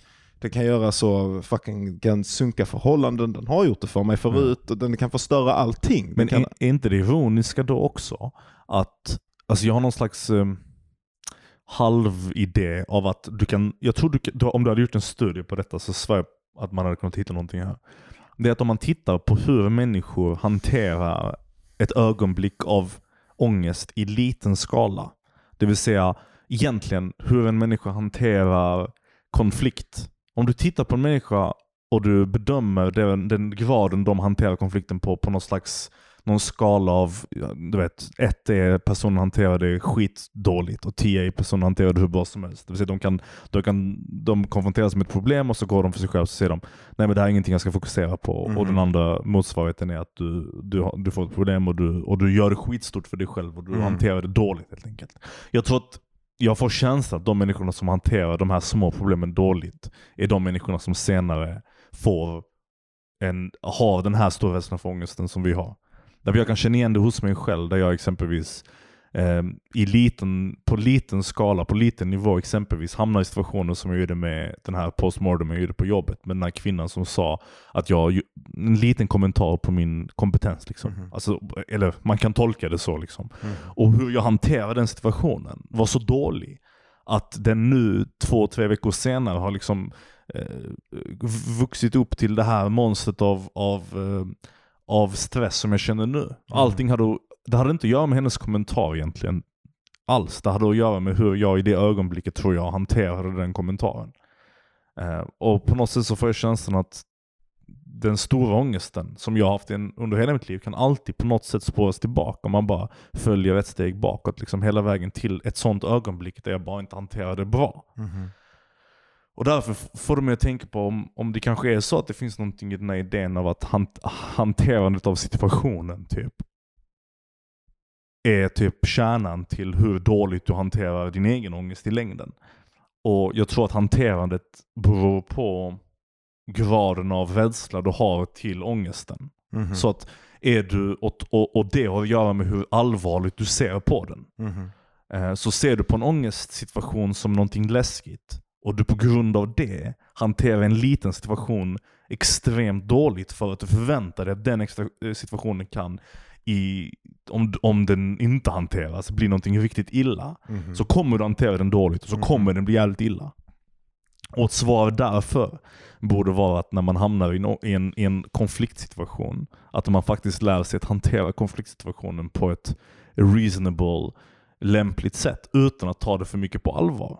Och, men hur gör man det rent praktiskt? Du vet, det börjar ju inte, det är ju så, alltså det, det här är ju samma sak som jag säger, Men det finns, det finns ett sätt. ja det finns ett sätt men det, ja, det Ja. finns säkert flera sätt. Men det finns ett, ett konk- därför att till exempel, vi, vi, vi, backar, vi backar spåret en aning tillbaka förbi den laktosfria semlan, tillbaka till tandläkarperioden, när jag hade min tandrädsla. Och den började hos tandläkaren. Jag gick till tandläkaren, tandläkaren sa du måste operera dig. Och så bara satte det igång. Så fick du en kris. Ja, men, men jag kommer ju väldigt tydligt ihåg att jag hanterade den situationen skitdåligt. Mhm. Men jag kommer också väldigt tydligt ihåg att jag hade kunnat hantera den bättre. Mhm. Jag hade kunnat bara sätta mig ner i fem minuter och tänka okej, nu lugnar vi oss. I det ögonblicket är det inte för sent. I det ögonblicket känner jag en vetskap att jag, jag är någon slags, eh, eh, i någon slags fork in the road. Jag, är liksom så här, jag kan se till vänster att hanterar jag detta så här eländigt som jag nu kommer göra, där jag bara googlar och söker Men och hade du diskuterar. kunnat göra det då? Hade du inte, du kanske kan göra det nu,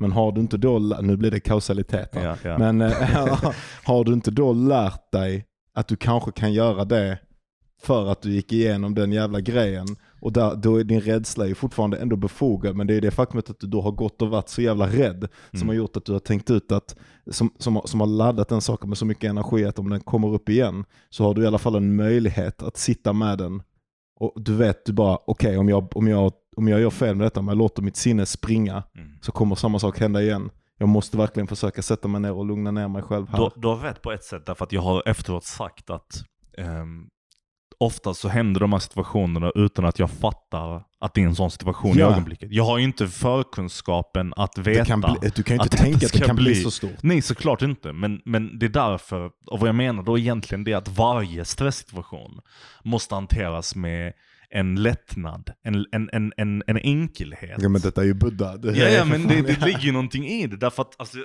men jag menar inte att Buddha säger det, utan jag menar ju att, att du, du, du, är ju redan, alltså kan du göra det med enkelhet Ja. så är du ju redan 90% av vägen där. Men det är jag det säger, som är träningen. Jag tror det, ja, ja, du har helt rätt. Men jag tror det jag säger är bara varför man ska kanske försöka göra det. Inte bara för sakens skull, utan Mm. kanske för mig personligen har jag en liten insikt här. Det är nog Mhm. det som händer i det här. du, okej. Jag tror jag fattar varför man ska ta saker med lättnad. Ja. Snarare att bara höra det, för Ja. att det är typ nice. Ja, För, att, för personer för, som mig så är det riskabelt att inte ta det med just lättnad. det. Och du gör ju det i ditt, du, du, du tänker ju också, eh, alltså så här, i ditt jobb, du har ju infusat allting med ett väldigt stort allvar. Du har Ja, infusat hela livet med ett väldigt stort allvar. Ja, ja. Det är väldigt det är på riktigt att du ska bli författare, det är på riktigt att du ska, och jag med, men kanske du, ibland du Ja, ännu mer på vissa ja, sätt precis, liksom. Precis. Att, att eh, du, och du, vi, jag, jag driver ibland med dig för att du kan vara så uptight över vissa Mm. specifika grejer. Och det är också typ indikativt på ett kontrollbehov och på att du liksom verkligen vill, att du, du, du, Mm. du, det är naturligt för din natur. Och det kan ju vara en grej att få syn på i dig själv och verkligen låta sjunka ner i och bearbeta. Att du som en person tar ju egentligen ingenting med en klackspark. Nej. Ingenting Nej. får lov att bli Nej. bara en haha eller bara ja fan det gick inte. Utan- allting är bara en jävla... Men jag tror, jag tror dubbelinsikten jag har är också att varför det är så, det är ju för att ehm, den här rädslan för ångesten är så enorm. Ja. Eftersom, och det är nästan som att Klacksparksberg existerade en gång i tiden Ja. innan han fick smak på ångesten. Vilket knyter tillbaka till vad du sa tidigare, du har varit i elände. Ja. Så nu är du rädd att hamna där igen. Och därför har du nästan inget val än att ta det lite Det är allvarligt. därför också, typ om man säger sån här, ibland så har folk sagt eh, att jag är typ duktig eller någonting när jag håller på att meditera så mycket. Eller, eh, typ, alltså Mm. de som, vissa tycker ju att det bara är flum, men de människorna som, andra som strugglar eller så som sitter 20 minuter eller något sånt där. Mm. Att jag sitter rätt mycket och jag kan göra det rätt mycket. Eh, jag kan vara rätt seriös med mina läsningar och sånt. Och det här, men det har vi sagt någon gång innan. Och det, är det är bara för att jag, har, jag vet exakt vad leveraget är. Alltså jag har Ja. exakt rätt leverage. Jag kan exakt bara säga till mig bara, jag vet vad som händer om Ja, jag inte gör det. Jag, exakt. jag har provat, flera gånger har jag slutat meditera och så har jag hållit på och skitit i meditera i två månader och så har jag mått okej och sen bara BADAM! Men finns det inte ett element av prestation i det också då? Alltså, är inte den, den bästa typen av meditation den som görs med lättnad också? Alltså typ Jo, det jo, inte såklart. görs med leverage som, som hållhake. Jo såklart, liksom. men det är leveragen. Okej, så här är det. Det är leveragen. Det, det här är, det är komplext allting detta. Eh, med all, om, vi, om vi ska ta bort, vi, vi, vi, eller vi har det förankrat i meditationen, men vi, det, det, här gäller för skrivande och det gäller för alla företag som man vill ägna sig åt och som man tror man blir bättre av, som man kan göra i livet. Att, att ehm,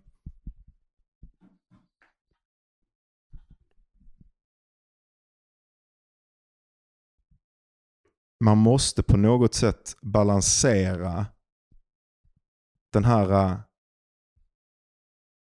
Man måste veta att det både är en lek och på fullt allvar. Och man måste kunna navigera precis. båda de berättelserna samtidigt. Så att du måste eh, alltså du måste veta, därför att du är inte du är inte utanför händelseförloppet. Du är inte redan upplyst så att säga. Vilket Nej, betyder att nej. du kan inte bara alltid le Nej, åt det med precis. vänlighet. Därför att det kommer komma situationer som du kommer vara i. Exakt, Där exakt. du inte kan le mot, det skulle Nej, inte falla dig precis, in. Det precis. kommer inte hända. Du kan, sen kan du säga ut det efteråt. Ja. Jag borde ha lett åt det med vänlighet. Ja men det gjorde du inte. Nej. Och, då, då, och då, så är det med skrivande och så är det med allting. Att du, det är klart du borde vara, vara läksam. Utan på något sätt måste man, man måste, jag måste kunna veta att jag har detta leverage. När jag sitter ner på kudden så försöker jag också, allting det som kommer upp, allting som är mörkt, jag försöker inte introducera något Nej, nytt jag förstår, allvarligt. jag utan Jag, försöker väldigt ja. aktivt, det finns någonting man pratar om. Och det är exakt detta som du säger. Det är skitkul att många sådana grejer kommer upp liksom från Mm. olika håll Mm. som sen mappar på den traditionen eller på Mm. den traditionen. Men, men i, i, inom, inom, inom dharma, liksom, inom så här buddhistiska meditationstekniker så pratar man mycket om att kultivera the inward smile. Alltså typ så här, man bara oj, fan jag mår verkligen riktigt dåligt. Mm. Och så ler man ett litet leende åt, åt alltihopa. Mm. Liksom så här, bara ett vänligt leende. Man bara oj, här är all den här kaosen liksom inuti mig. Ler vänligt åt den. Och Jag tror att, ja, ja, det låter skitintressant och jag tror att man typ hamnar i, jag tror man har lättare för det där leendet kanske eh, när det yttre matchar det inre, det inre eländet. Precis på samma sätt som när vi var ute och sprang liksom på det sättet. Det är nästan som att när det händer så, Så kan man skratta åt hur man, bisarrt. exakt, Ja. för det är så eländigt. Ja, Att ja, det, det är bara total elände. Det är kanske det som händer egentligen. Det är total eländighet. Ut, utifrån och inifrån. Och då, då kan du helt släppa berättelsen att det exakt. behöver vara något annat. Nej, exakt. Precis. den precis. spänningen, att din hjärna försöker, för det är det jag menar med den här spänningen, Mm. pratar om också, din hjärna försöker konstruera berättelsen av att samtidigt att det är eländigt och samtidigt att det inte är eländigt. Och sen så bara blir det så pass många grejer som bara lägger sig i eländigt-campet att jag tror att din hjärna, alltså på riktigt bara skiter i att försöka Ja. konstruera en väg ut. Ja, ja, jag tror också det. Och ja. då får du bara en massa processorkraft tillbaka. Ja, Den bara släpper den, den, eh, det programmet. Ja, det låter bara rätt. generera en massa kod som bara väg ut, väg ut, väg ut, väg ut, väg ut och sen så bara, "Nej, det går inte, stängs det ner. och sen så bara är du kvar där med allting Ja, eländigt och då kan du inte någonting annat än att bara le. Nej, för nej, du bara nej, får all precis. den här nya processorkraften som är Precis. precis det du behöver för att börja jobba på nytt. För att Mm. börja ta dig ur det. Mm. Och för att bara kunna se, men vad fan, här står jag ju, där är du vet, min hund eller där är mitt promenadspråk. Där, ja, fan, okej det löser sig. Mm. Det var, det, allting egentligen var i mitt huvud. Som var, alltså, och det är den, den processorkraften som löses liksom. Mm. När, Ja, du har helt rätt. Alltså, ja, ja, nej, men eh, du, du minns den här pjäsen jag, jag producerade för några år sedan? ja. när, när jag gjorde det, så det var den värsta perioden typ, alltså så här, utanför ångest jag haft av stress och elände och piss. Jag hatade varje sekund av det. Och någonstans sista veckan där, eh, så, så sket sig allt. Som potentiellt kunde skita sig bara åt helvete. Eh, jag kommer ihåg att jag hade ett, eh, ett möte exempelvis ehm, ute i hallen istället för att ha den inåt i mötesrummet som brukade de med människorna som, som arbetade med mig. Och så nämnde jag i det ögonblicket, i helt rätt ögonblick, och eller egentligen kanske fel ögonblick, att vi inte hade satt upp eh, elektroniken och lamporna och allt sånt skit än. Och det var två veckor till föreställningen. Och så råkade den här scenansvariga gå förbi. Och så hörde hon det och så sa hon, ja just det, jag glömde säga till er. Grund av att hon hörde det.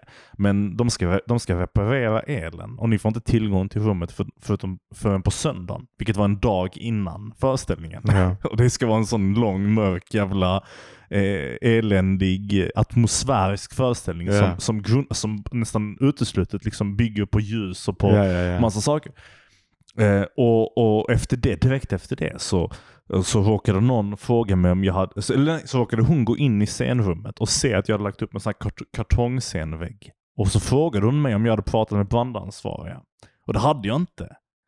Och det var också en vecka innan föreställningen. Och då, och då hade vi inte köpt medlet som skulle brandskydda eh, scenen och den brandansvariga hade inte fått veta. Det var ett stort misslyckande från min sida på alla möjliga håll. Allting skulle falla. Ehm, och och jag, jag har sagt det efteråt, men det är nästan som en, det närmaste jag haft en religiös upplevelse. Allting löste sig i slutändan. det, bara out, det bara av sig själv, bara så här råkade hamna i någon slags, och både i eländet av att allting gick åt helvete, men också i insikten att sakerna bara av sig själv, bara såklart, Ja. jag gjorde ju någonting för att fixa dem, men, men ändå så Ja. bara Lösningarna kommer liksom. De kom, det var en sån Eh, är också ett sånt ögonblick av liksom bara så här, eh, det inre leendet. Jag kan bara skvatta åt skiten som är här. Och den känslan efteråt av total frihet. Ja. Av att fatta det och få se resultaten av eländet bara lösa sig på något magiskt sätt. Även om folk inte gillade föreställningen, eller whatever. Vi, Ja. vi lyckades Ja. besegra liksom det, det yttre mörkret och det inre mörkret. Ja. Ja. exakt. Det var jättefascinerande. Men ja, det, det är fan eh, det är stor insikt. Och också enkel insikt kanske för vissa som har hört. Så låter det kanske som en självklarhet. Men ibland är det som att man kommer till insikt om saker för att man fattar typ essensen av det. Och inte, det är någonting som man kan ha sagt till sig själv eller någonting som man kan ha förstått typ. Men så fattar man äntligen, aha det här är varför ja, det funkar. det, för det finns, det finns på något sätt någon slags, det är väl det som visdom är tänker jag, att det finns någon slags inre byggstenar eh, som, inte, som är ganska kopplade till ord men inte helt och Mm, hållet. mm. Och de inre byggstenarna kan typ, det är nästan som att det ska flöda någonting igenom dem. Visdom är att det flödar en vätska eller någonting igenom dem och i, ibland så är de liksom bara ställda så här ojämnt så ingenting kan flytta. Man har alla begreppen, man har alla sakerna. Ja. Men ingenting kan flytta igenom för det ska vara en kanal men den biten är här och den biten Ja, är här ja, och den biten så. Så att eh, hela flödesslingan är helt jämntäppt. Men sen så visdom, det är liksom att bara fatta Mm. gång för bara, ja men vänta den ska stå där. Ja, Ja men vänta den ska stå precis, där. Precis. Ja men vänta den ska stå där. och man och vet inte riktigt hur man kommer till den slutsatsen. Men Man gör det på olika sätt. ja, Man gör ja, det ja. via samtal, man Ja, gör det ja. via upplevelser. Man ser, ah, vänta det här verkar vara ett Ja, mönster i verkligheten. Det här verkar vara ett mönster i verkligheten. Och, sen så det här, och det här är ett mönster i mig själv. Och det här är ett mönster i mig själv. Eh, och sen plötsligt så bara... Tung, tung, tung. Och så bara känner man hur vattnet börjar flöda. Och man bara... Hur kunde det inte flödat alltid? precis. precis. Fucking hell. Ja. Eh, fan jag tror det var dagens avsnitt. ja, det känns som det. En, det var bara en lång oredigerad uh, harang enda- av en enda one take. Ja det var vackert. Ja, Det var vackert. nice. Ehm, Tack så jättemycket för denna veckan. Precis. Följ oss på sociala medier. Det är ingen som gör det. gör det det. inte. Gör det inte Skit, vi, skiter, vi skiter i det nu. Det är Exakt. piss, vi har röda siffror. Det är ingen Exakt, som exakt. fucking ja, ja. lyssnar, men vi har roligt i alla fall. Målet med Nej, det är vår podcast är att ingen ska lyssna på Ja. den i mina ögon. Så Ja, jag på den. När vi har nött ut varenda liten en av er fucking Och då bitches. släpper vi två säsonger till. Men du, på tal om det. Vi det är måste... då de bra säsongerna är. Det är då de riktigt Ja, ja men då har vi fan Ja, ingenting... du har inget att förlora. Då finns det inga blickar som är det tittar heller. Festar alltså. Exakt. Ehm, nej men någon gång vill jag avsluta säsong ett. Och så Ja. vill jag liksom uh, göra en liten paus och sen börja säsong två. Ja. Um, ja. Ehm, där, jag, jag, jag kanske ska teasa lite. Jag skulle vilja att vi tog in lite människor. Ja, Och du har, du har pratat om detta flera gånger på den här Inte i podcasten. podden. Har det jag? jag, Fucking. Alltså, har jag inte. Det skulle vara som värsta twist när jag kom in här. Bara, vi ska "Vad ha gäster." din Ja. fucking gäst?" Eh, alltså det kommer inte vara några bra gäster. Det kommer bara vara fucking kompisar och skit. Ni som redan lyssnar. Lyssnarskara. Exakt, alla våra fem lyssnare ska bjudas in. Ehm, ja, jag är skitpissnödig. Jag är Men, också så eh, jävla pissnödig. Ja, jag pissar Ja. först. Gör det. Eller? Tack så jättemycket boys and girls and uh, non-binaries. Vi syns nästa vecka. Ha det bra.